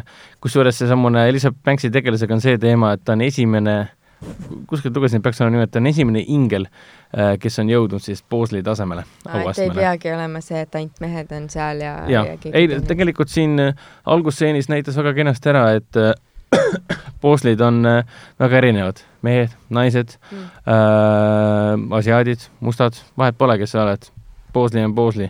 selles suhtes on see film äh, annab mõista, et aasta on kaks tuhat üheksateist, naised on väga võimekad äh,, inimesi on erinevate nahavärvidega maailmas väga palju ja see on fakt, mis on umbes selline, et jaa, väga tore, see on muidugi see on mingi väga kummaline, positiivne. kummaline statement, nagu naised on läbi ajaloo kogu aeg olnud võimekad, mida, mitte ainult aastal jaa, aga räägi, räägi seda Hollywoodi kinole. selles mõttes selles, selles suhtes on tore näha, et on olemas ka võimekaid naisi, kes ringi kaklevad, mitte ainult äh, võimekad äh, mehed, kes vahepeal John näitavad. Rock. The Rock. Dwayne The Rock Johnson, kes jookseb ringi oma hiiglaslike musklitega ja vahepeal näitab, et jah, mul on ka tunded. et noh, jah, et noh, ütleme nii, et see, see erisus on vahel, vahelduseks nagu tore näha ka, et võimekad naised ja nii, ja nii edasi. Ja Ella Palinska on siis kolmas äh, kolmas ingel, temast ma suurt midagi ei tea, ma tean ainult seda, et ta on ise ka reaalselt äh, läbinud äh, mingisuguse rämeda äh, võitluskunstide koolituse ja seda oli nagu filmis kogu aeg näha mm. -hmm. et tema on see kõige võimekam, hästi sümpaatne oli ka, ta nägi hästi imelik välja. niisugune mingi suure hambavahega niisugune armas mulatitar tundus olevat ja okay. aktsendiga ja puha. aga kui rääkida kelle vastu nad seal üldse võitlevad siis või mis seal nagu spoiler okei okay., kas see on huvitav, mille vastu nad võitlevad kelle vastu nad võitlevad? ei. kas see film oli sellisel kujul vajalik üldse? sellisel kujul? ei, selles mõttes, kas kaks tuhat, aasta, aastal kaks tuhat üheksateist, kaks tuhat üheksateist vajab Charlingite filmi? jah. sellisel kujul ei mm.. okei okay. miks ma seda ütlen, on sellepärast, et film ise äh,, keegi kirjutas stsenaariumi ja see tehti filmiks äh,. Sorry, et ma niimoodi ütlen, aga film ise ei, ei ole suurt midagi äh, erilist mm. -hmm. nagu ta on väga throwaway, ehk siis ta on kerge vaatamine, see on miski, vaatad Lux võid... Expressis, jätad lõpus viis minutit vaatama. ei, ta on, ta on niisugune film, mida sa lähed vaatad pla-, Coca-Cola Plazas äh, Lux saalis. hea, mugav tool, jook ja popkorn, tunned ennast mugavalt aga kui sa vaatad seda nagu tavalises saalis sirge seljaga, siis võib tekkida küll niisugune tunne, et äh, mul on vaja rohkem luksust, et see film nagu lõpuni vaadata mm. -hmm. sest noh, mul endal tekkis küll tunne kohati, et äh, et, et, et, et, et kas läheb põnevamaks ka või? või lähen no, kohe, nõustuvad, või, või lähen kohe suitsupausile või? sinuga nõustuvad äh, maailma kriitikud ka, kes on Rottenserile andnud mingi viiskümmend kaks praegu. ütleme nii, et see on isegi liiga kõrge. kuna filmis on väga palju äh, feministlikku äh, power'it äh,, Eh, see ongi filmi, viiskümmend protsenti filmist on põhimõtteliselt niisugune hurraa feminism. Ehk siis meil on kolm naist, kolm eriti võimekat naist on peategelased, Elizabeth Banks on üks nendest. Äh,, noh, lisaks nii-öelda režissöör ka, kõik on hästi niisugune girl power teemaline, mis on väga positiivne, aga see mõjub äh,, kohati mõjus väga üleliigsena. Ehk siis see on, see oli siis justkui see, see, see feministlik power on justkui see liha, mida püüti anda tegelikult väga tühjale filmile. Aa, et nagu selle... lugu tal peale selle nagu väga ei ole no ütleme nii, et ma armastan öelda, et see on järjekordne film, kus mingit junni taga aetakse. Aa, mingi junn, mis hävitab maailma bla,, blablabla. noh, ütleme ja, nii, et okay. sul on Naomi Scotti tegelane, kellel on mingi junn käes ja seda junni tahavad kõik pahad saada. ta põgeneb sellega mööda tänavat. ja siis tulevad inglid, kes võtavad ta enda kaitse alla, nad püüavad seda junni kätte saada. kord mm. saavad selle junni kätte pahad, kord saavad inglid ja siis kõik võitlevad see... selle nimel, et see junn tuleks peatada. junn mingi seostub äh, internetiga või midagi tal on äh, isegi täitsa huvitav idee on sellel junnil. No selge Rek. rekordiline saade, kus me ütleme sõna junn kogu aeg. tahaks vist rääkida. Lähme jah, PÖFFi juurde edasi. ma siis lõpetan põhimõtteliselt sellega ära, et äh, kas ta on vaatamist väärt? ütleme nii, et kolme peategelase pärast, Elle Balinski, Naomi Scott ja Kristen Stewart, muidugi neljas Banks ja muidugi Patrick Stewart teeb väga ägeda rolli siin. Mm.. ta on väga vitaalne vanamees, peaks ütlema. Mm.. jookseb kenasti ringi ja pole ta midagi tal. no ta, tema abikaasa on mingi kolmkümmend pluss ka, nii et Junil on niisugune mõni imeta, mõni imeta vitaalne on ja energiavahetus. et nende näitlejate pärast, et äh, ta, taaskord pean ütlema, et nende näitlejate pärast on ta väga vaatamist väärt, action stseenid on tegelikult tegelikult Banksi poolt päris põnevalt lavastatud, aga ta on kohati liiga klaustrofoobiline, ehk siis kuskilt arvust ma lugesin ka, et justkui, justkui püütakse noh, niisuguse minimaalsel äh, nagu, nagu pinnal filmida võitlusseene mm, -hmm. et muidu muutuks see asi liiga lahjaks tõenäoliselt mm. -hmm. ja siin on hästi palju rumalusi ka, sest kui sa vaatad ikkagi filmi äh, ingel-spioonidest, siis kohati tekib küll niisugune tunne, et mingi te olete spioonid, aga miks te nii rumalaid asju teete, et noh, perfektne näide on see, et mingi filmi keskel, et kuule, ma olen siin vaatetornis, siin on mingi kuradi karneval ja hästi palju rahvast tuleb ringi, et ma võtan oma tohutu suure äh, snaipri välja ja otsin siis meie põhipahalast. päevavalguses istub üleval snaipriga ja sihib äh, inimesi äh, otsides äh, oma, oma sihtmärki, siis mul tekkis küll niisugune tunne mingi äh, spioon, oota, miks, miks keegi sind maha ei lase? Äh, ja siis samamoodi, et seda Naomi Scotti tegelast ju äh, püüati mõrvata, ülla-ülla. see on treilis ka olemas, pole spoiler. ja siis oli üks stseen sellest, et kuule, sina jääd nüüd siia safe house'i, see turvamajja, meie läheme samal ajal äh, missioonile, et sind tahetakse ju tappa. ja see tseen, kus seda talle öeldakse, on samal ajal Naomi Scotti tegelane äh, vedeleb äh, Istanbulis äh, rõdul, kus ei ole katust ega mitte midagi ja vaatab ringi, okei okay,, ma olen siis siin. ta on mingi mm., laske siis maha või hästi hea tööünglik, good job, Angels, et kohati hästi palju äh,, sihuke, kohati niisugune tunne, et mingi e-, ega Elizabeth Banksi ja neid stsenariste eh, nemad ei tea, mida mm -hmm. tähendab spiooniks olemine, ega neid, ega nad ei teinud katset ka, et välja uurida. ehk siis me teeme lihtsalt oma reegleid ja vahet pole, kui rumal see võib välja paista. et no ütleme, spioonifilmina ei ole siin suurt midagi vaadata lõbusa action-filmina, filmi, filmina nelja ägeda naisega pluss Patrick Stewart, jah, muidugi. no samamoodi võib kirjeldada tegelikult neid eh, kahte varas-, varasemat filmi ka ega seal ka mingi spionaažiga kokku ei puutu? kõige rohkem ma võrdleks seda vist selle samuse um, Spy Who Dumped Me, äh, spioon, kes mu hülgas, Mila Kunis ja Kate McKinnon. see oli kohutav film. seal oli see, vaata, aga miks ma võrdlen, sellepärast et uh, nende kahe näitleja pärast toimib. ja siin on samamoodi mm., see on näitlejate film. muidu sellel reboot'il ei ole küll mitte mingit uh, vajadust, miks ta peaks olemas olema mm. -hmm. aga noh. No selge, aga võtame arvesse ja teeme väikse pausi ja siis jätkame PÖFFi filmisoovitustega. Continental Ice Contact kolm naastrehvid on tõeline talvine revolutsioon neile, kes otsivad parimat Eesti talvisesse kliimasse loodud Saksa kõrgtehnoloogia, mida võib usaldada. Continental rehvid on saadaval kõigis Pointes müügipunktides üle Eesti ja www.rehvid24.ee veebilehel nii, aga jätkame, jätkame PÖFFi filmisoovitustega, kogu meie uudiste sektsioon kuulub siis sellele, et soovitame filme, mida PÖFFil, PÖFFil vaadata. Äh, mina ütleksin kohe ära, et nüüd laupäeval ehk siis sellel päeval, mil antud podcast siis välja tuleb, saab vaadata Coca-Cola Plaza Ice Sense saalis Lighthouse'i ehk siis majakat see on suurepärane film, treileri põhjal vähemalt, ja kui arvestada seda, et Robert Eggerste esimene film The Witch oli selline, kuidas öelda, vastuoluline, et osadele meeldis, osad vihkasid seda, sest mulle ei meeldinud. osadele tundus, et see on päris õudukas, läksid seda kinno vaatama, see on päris õudukas. aga kuna uues filmis on Robert Pattinson peaosas, kes siis, kes alles suvel käis Eestis ka, Robbie Robbie. ja teises osas on William Dafoe, kuna film võeti üles siis kolmekümne viie millimeetri filmilindile mustvalgelt, seal on kaks peategelast põhim-, ainult kaks tegelast põhimõtteliselt -hmm. ainult, ta on kolm neljale pildiga ka ja ainult ühe korra linastub PÖFFi jooksul ka eri, eri seanss ja eri hind on sellel, siis seetõttu soovitan seda vaadata, sest mitte ilma jääda, siis järgmine kord saab seda teha siis äh, detsembri alguses, kui ta linastub mingi neli korda Elektriteatris ja siis äh, kinos. äh, kinos sõprus. aga Helen, mis oleks üks film näiteks või kaks või kolm filmi, mida sina soovitaksid? mina soovitan väga soojalt äh, ja sügavalt ja tungivalt Skandinaavia vaikust, äh, mis on Balti filmivõistlusprogrammis. et äh, mulle see endiselt väga meeldib, ma loodan, et nad võidavad, mis siis, et samal ajal linastub veel Tõde ja õigus ja Üks särvik ja nii edasi, aga, aga ma tahaksin, et ta tema võidaks. kinos, mis ta oli, märtsis äkki või?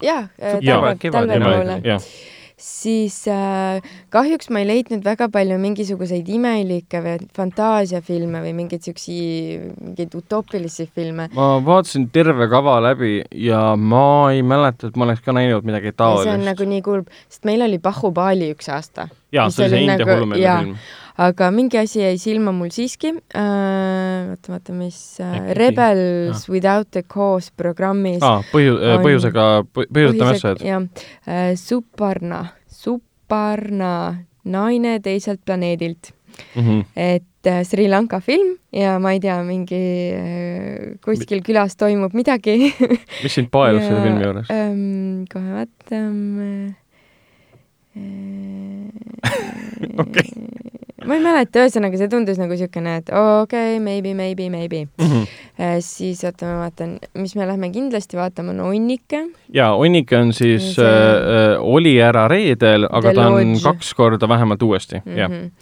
ja siis Onnike miks, miks me see Onniket nii väga sest see on, äh, paar aastat tagasi oli PÖFFil äh, õudusfilm nimega Hea toid emme ehk siis Good Night Mommy, mis on kahe Austria režissööri poolt tehtud, see oli täiesti Austria film ja nüüd nad said siis põhimõtteliselt Hollywoodi stuudioga kokkuleppele, tegid Hollywoodi filmi, kuna mm -hmm. seal on näiteks Alicia Silverstone, Riley Keough ja siis seal on see Richard Armitage, kes mängis, mängis Thorinit siis äh, Kääpikus näiteks jah, seda ise, ise soovitaksin ka. tegelikult, aga okei okay. ja siis uh, World Premiere Rebels Without a Cause täiesti äh, pealkirja ohver olen Kokka-kepi killi. jaa, ma nägin ka seda.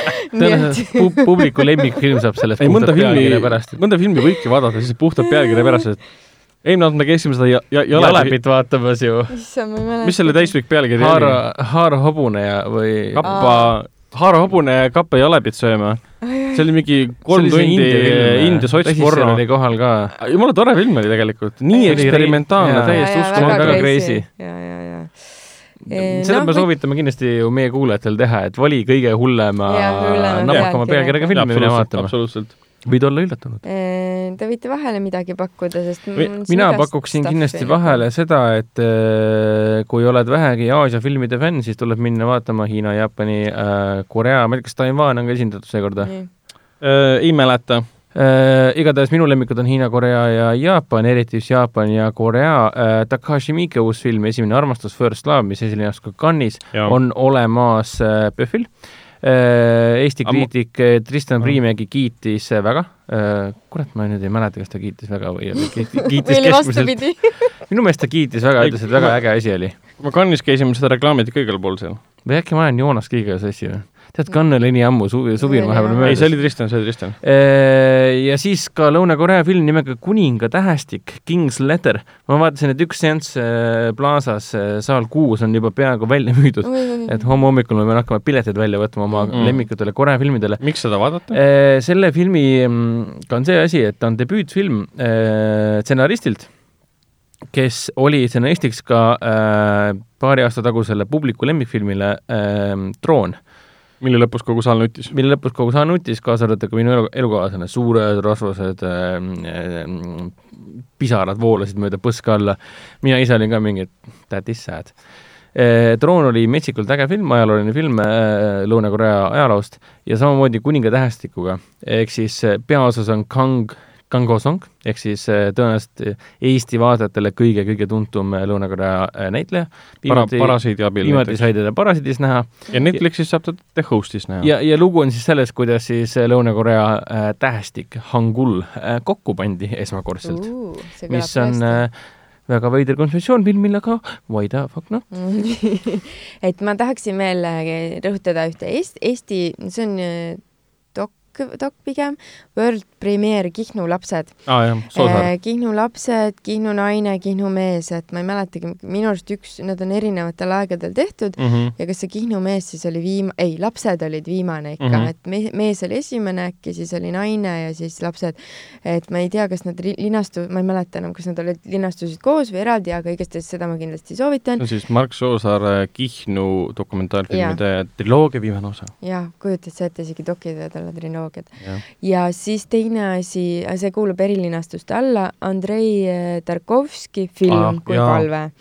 et äh, ma arvan, et kõik on seda nime kuulnud, et siis võib-olla natukene ka vaadata väga palju Selle- sisust või noh, mis mees ta on. eriliseks veel see, et äh, Tarkovski poeg tegi Jah, selle dokumentaalfilmi omaenda isast ja filmikunsti suurkujust. jah, et, et see Tarkovski on kindlasti Eestit ka palju mõjutanud ja Eesti filmi tegemisi, aga äh, International Premiere, mis, mis vaata, mis öised värinad ähm,, Tezuka Barbara, lihtsalt see, ma ei tea, see poster on niisugune imelik ja see ja see sisu tundus imelik ja see näeb välja nagu see oleks mingi Aasia versioon, Jaapani õigemini, Aasia versioon Only Lovers Left Alive. See näeb lihtsalt selline välja, kuigi noh, kuigi te, te, aa, siin oli see, kuulake seda oota, kes see on äh,? selle tulemusel tekivad kirjanikul hallutsinatsioonid, mis tõmbavad teda seksuaalsetesse situatsioonidesse nii loomade kui ka elutute esemetega, Mm. keda ta oma meeltesegasus, meeltesegaduses naisena ette kujutab. Mm. kuid alati on Barbara see, kes ta neist olukordadest päästab. et see oli üks niisugune friiki asi, mis mulle nagu silma jäi nagu, et, et, et siis ma mõtlesin, okei okay,. ütle korra filmi nimi uuesti. äh,. tugev T on alguses siis Tezuka, Tezuka Barbara. okei okay.. ma mõtlesin, et tal on mingi eestikeelne pealkiri ka. Aga see ongi nimi- inimese nimi, see on jah, jah eks see okei. võib-olla see Tezuka tähendab midagi, aga nimi on Barbara nagu, et siis võib-olla tuleb sealt mm, -hmm. Sealt miskit mina pakuksin vahele sellist filmi, kolmetunnine, pea kolmetunnine film nimega Värvitud lind. Ma tahtsin just sama pakkuda. aa, no vot, The Painted Bird, miks see on huvitav ainult sellepärast, et ma tean, et selle filmi peaosades on näiteks Stellan Skarsgård, keda me alles hiljuti nägime Tšernobõli seriaalis, seal on veel Harvey Keitel, keda varsti näeme siis Irishmanis kahekümne seitsmendal Netflixis, Netflixis, ja siis veel Barry Peppers, Julian Sands ja Udo Kiir aga film on eriline sellepärast, et see on Sands, jah, nice. see on pea kolmetunnine mustvalge sõjafilm, mis peletas, ma nüüd vaatan, Toronto, Veneetsia ja Londoni filmifestivali publiku minema saalist, nad marssisid välja, sest film olevat väljakannatamatult rõve, vastik, teistsugune, seda ei suudetud lõpuni vaadata ja need, kes festivalide lõpuni vaatasid selle, ütlesid pärast, et vapustav film. oota, mis see pealkiri oli, ma tean Äh, ainult värvid- posterit. värvitud lind, Inglise keeles Painted Bird. Painted Bird, jah ja see on selle aasta üks nagu reklaamitud vastuolulisema filmina, kuna kõik inimesed jalutasid saalist välja, välja arvatud need, kes äh, hiljem nagu nautisid seda lõpuni. eriti karm sõjafilm, aga see väga meenutab mulle ju seda mm, äh, Elem Klimovi äh, Idi Smotriid ju. natukene küll. tule ja vaata Come and See, mis omal ajal kaheksakümne viiendal aastal tehti ja siiamaani mõjub nagu mm. täielik, täielik, täielik sõjahorrorfilm. jah Äh, lisaks kindlasti soovitaksin sellist filmi nagu Põleva tütarlapse portree uh,, Portrait of a Lady on Fire, mis on ka üks aasta hinnatumaid filme, see oli Cannes'i filmifestivalil ka uh,, sai seal ka paar auhinda, see on selline ajalooline nii-öelda võib öelda lesbidraama lausa, aga pidi olema väga-väga-väga võimas film.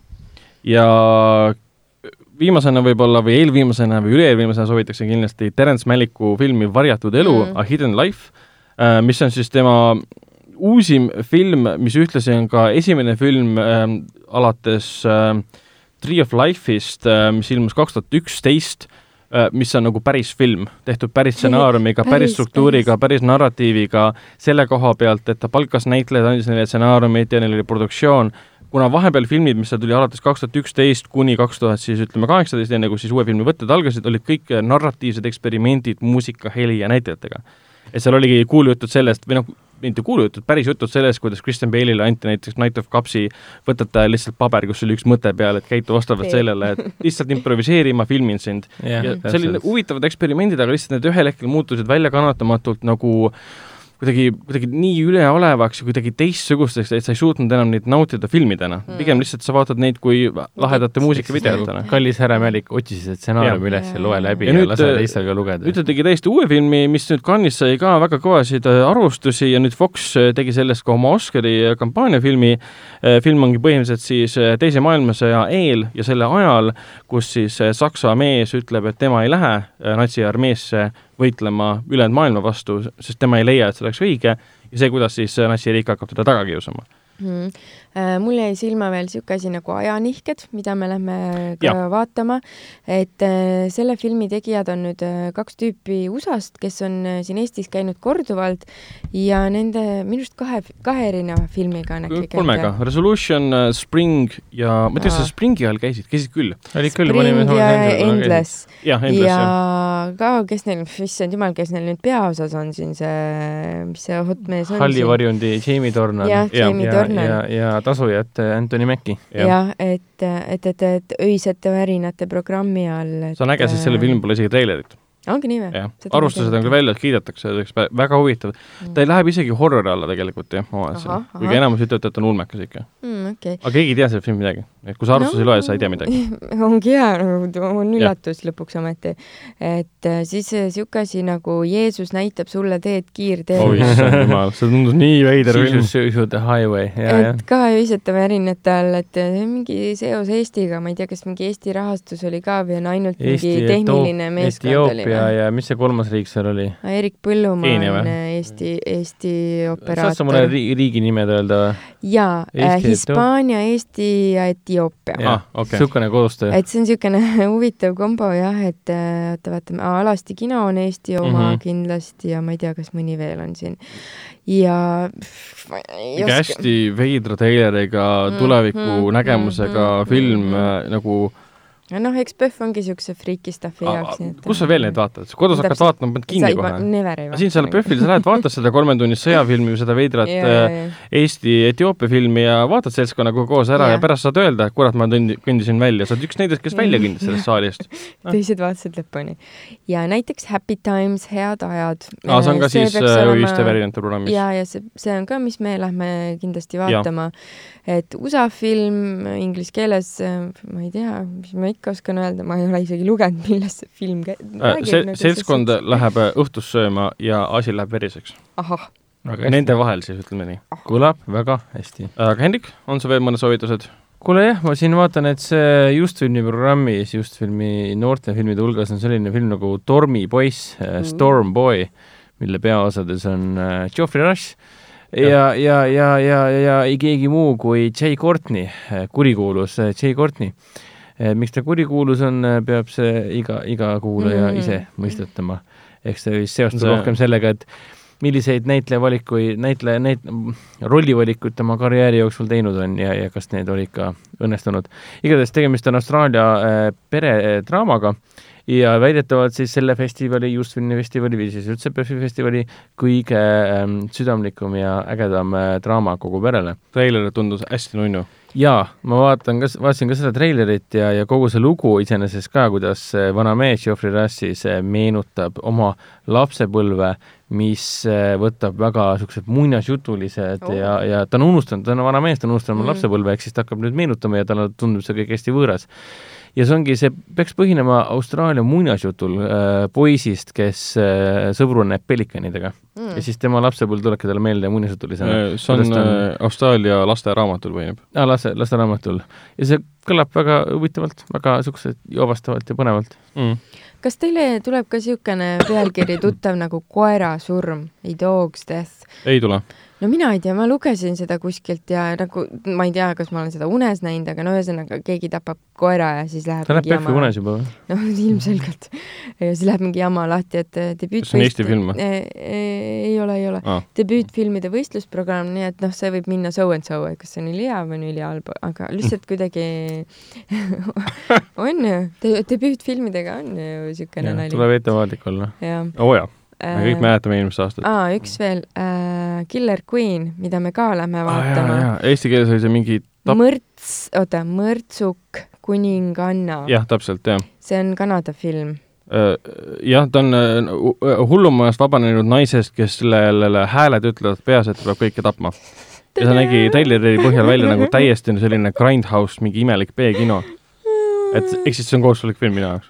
tundub põnev. Ma vahepeal maniksin juurde, et äh, soovitan vaadata Dreamlandi ehk siis Tagaotsitav, kus mängib äh, peaosas siis Margot Robbie, Travis Ah. Fimmel ja siin ega teised väga tuttavad äh, võib-olla ei ole. põhimõtteliselt see leiab aset kolmekümnendate Ameerikas selle nii-öelda mm, samal keskläänes kuskil siis, kus olid need dust bowl'id, need suured aa, ähm, ja, ja, ja. tolmutormid, mis hävitasid äh, vilja ja kõike seda ja noh su, suure depressiooni ajal ka muidugi.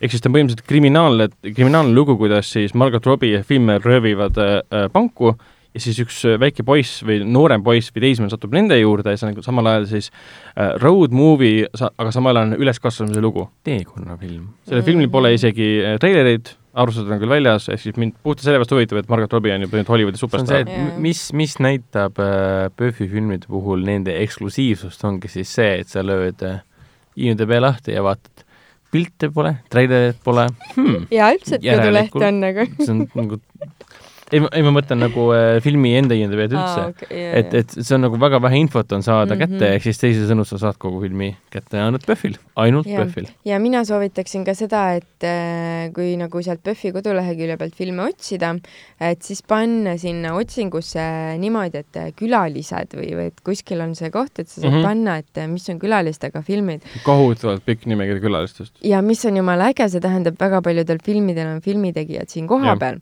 esiteks saab neid näha, saab nendega rääkida, saab neid kuulda rääkimas. ja kui filmi ei meeldi, saad küsida kõva häälega üle kogu Mis saali, et on, mis juhtus nagu, kes sulle haiget tegi. aga kus, kus selle leiab? äh, filmid, ajakava ahah, ajakava ja siis tulevad vaata sinna ette need, need valikud igasugused ja sealt paremast äärest minu arust kuskilt riigid, keeled, siis kont-, külalised, külalised, külaliste lahter äh, ehk siis PÖFFi kodulehel saab klikkida külaliste lahtri peale, kus saab valida külalise ja siis näha, mis filmiga seoses ta Eestisse tuleb. okei, kas ma, aa, ma pean vist vastava kuupäeva ka ja valima. muidugi täna ju ei ole või tõenäoliselt võib-olla kedagi, et äh, ehk siis see- jah, täpselt, seal on see võimalus külalise peale klikkida ja siis Mhm. näha, mis filmiga ta siia siis tuleb. kahekümnenda, et see kindlasti okei. ma, ma, peame ma siis õigesti, linna ka valima või? Võib-olla küll jah, sest nad on ju erinevates linnades. koertest, koertest rääkides ma soovitaksin dokumentaalfilmi Kosmosekoerad, mis räägib siis Venemaa pealinna tänavatel elavatest hulkuvatest koertest uh,. siis soovitaksingi ühe lapse rahvast, millega on võib-olla, kas ma julgen seda mainida või mitte, ma saan No. no. PÖFFi käest peksa võib-olla. noh, saad nagu see One Child Nation jõudis Amazon Prime videosse ai, ai, täna nagu, salvestamise päeval, täna. ehk siis kuna Prime video tegelikult esimene kuu on tasuta või midagi laadset, siis võib sealt ära vaadata, aga samas võib kinno ka minna, sest tasu on põhimõtteliselt sama. ja, ja, ja, ja mina leidsin siukse asja ka nagu Peoloomad, Animals, mingisugune Austraalia, Iirimaa film, tundus fun, keegi joob veini, tahab üle saada oma mingitest asjadest. Mm. no sõprusest hoidun sellistest filmidest. Ja viima- viimasena võib-olla siis ma soovitas ka filmi, mida ka Ragnar oma kinoveebis välja tõi, ehk siis äh, End of Sentence, Mm. mille peaosas on äh, John Hawkes, Mhm. on John, eks? Jah. jah, John Hawkes, keda me teame eelkõige tänu sellistele filmidele nagu Martha, Marcy May, Marlene äh,, Free Billboards, Winter's Bone. Winter's Bone, see oli väga äh, hea, väga head kõik. kus ta nüüd, aa, siis Sessions oli ka jah, ehk siis äh, John Hawkes on väga äge karakternäitleja, kes paistab silma selle poolest, eriti lisaks sellele, et ta väga hea näitleja on, et ta on väga valiv. ta ei tee väga, väga palju filme Mm. ta, ta on, kui ta ikka teeb filmi, siis ta on ikka väga pikalt otsustanud, et, et kas ta teeb selle filmi ikkagi. ja puhtalt sellepärast tasub see, see on isa ja poja äh, teekonnadraama mm. ja seal oli noh, kirjelduses on nimelt Katariina Revanen vist kirjutas sinna kirjelduse ka, ütles, et äh, justkui viskab klišeed aknast välja, mis puudutab isa-poja suhtedraamasid. ja ma võtsin ka mingi USA sait äh, arvustuse Hollywood Reporteris ette, mis ka kiitsid. aga ma tahtsin ära mainida sellise reisijari nagu Andrei Konsolovski, kes saab seekord siis PÖFFile elutöö preemia. mina ei teadnud ausalt öeldes sellest reisijast mitte midagi. ma hakkasin siis lugema, ma arvasin, et ta on vene reisijär, Mhm. kes saab elutöö preemia. sa hakkad lugema, aa, see vene režissöör kolis kaheksakümnendatel Nõukogude Liidust Hollywoodi ja tõi meile sellised filmid nagu Tango ja Cash, oo. What the fuck? mille peaosades olid Sylvester Stallone ja Kurt Russell, see on väga lahe film. siis ta, siis ta tegi veel Runaway Train'i, kus oli John White, Eric Roberts ja mäletad, et see on klassikaline film ma. mäletan seda. ja ta tegi veel ka näiteks sellise filmi nagu Homer and Eddie, mille peaosas oli Whoopi Goldberg ja Jim Belushi. Ta tegi veel Armando Santiga selle The Odyssey, Odüsseia nimelise Aa. miniseriaali. Fucking hell ja. siis ta vahepeal siis, kui äh, Nõukogude Liit kadus ära, siis ma vaatasin vist äh, siin kaks tuhat äh, lõpp, lõpupoole, kuskil mitte lõpp- alguse poole tuli siis tagasi Venemaale, hakkas seal filmi tegema. ja nüüd ta saab elutöö preemia, pluss on siis tema uus film ka kavas, mille nimi on Patt, mis räägib siis äh, Itaalia, kuueteistkümnenda sajandi Itaalia kunstnikust. mis olevat nii vaikne film, et sel ajal ei saa nagu krõbistada ega süüa midagi eks ma olen tahtnud selle, seda sellepärast näha, ta oli kuskil Hollywood Reporteri intervjuus nagu rääkinud sellest, et hu- USA kinodes ei saa seda filmi vaadata, siis kõik krõbistavad seal, see ainult seda krõbimis, krõbistamist kuulebki. umbes nagu Quiet Place'iga. Aga lihtsalt nagu- nelikümmend minutit. Jah. nagu Tang-, Tango and Cashi ja Runaway Train'i režissöör saab ma, elutöö ma mäletan seda lugu, kuidas ta pani putku raudse eesriide Jaa. tagant ja läks USA-sse, kas seal oli, kes selles Runaway Trainis oli, John White või? John White, jah. ja see üks kuulus vene näitleja ka vist seal või? Runaway Trainis. see oli es- film, mis oli äh, selle, mitte Harvey Keitel'i, vaid selle ah, Machete näitleja äh,, näitleja debüütfilm. aa, see noh, mis on Machete näitleja Machete. nimi? Machete, jah, noh. issand, kuidas see meelde ei tule? aa, aju ei tööta praegu sa. käisidki meenutades ei tule kunagi meelde. jah. igatahes äh, praegu on siis PÖFFi soovitustega kõik ja kinoveebis saab lugeda PÖFFi jooksul äh, PÖFFi filmide arvustusi, mul on üleval seal igasugused filmisoovitused, mida vaadata nüüd siis äh, äh, nädalavahetusel, mida vaadata siis õudusfilmidest, mida üldse vaadata, ma panin Mhm. nelikümmend viis filmi kokku, need filmid põhinesid puhtalt minu arvamusel Mhm. äh, ja mida nendest filmidest teadsin, mis tundusid mulle huvitavad, aga ikkagi PÖFFil linastub üle kahesaja filmi ja seal on väga-väga-väga palju neid, neid valikuid. vot, aga selle noodi pealt siis, siis lõpetame ja järgmises saates räägime nagu ikka jälle PÖFFist. mina olin, olen Ragnar, minuga koos olid tänases saates äh, Hendrik tšau. ja Helen. tšau. tšau.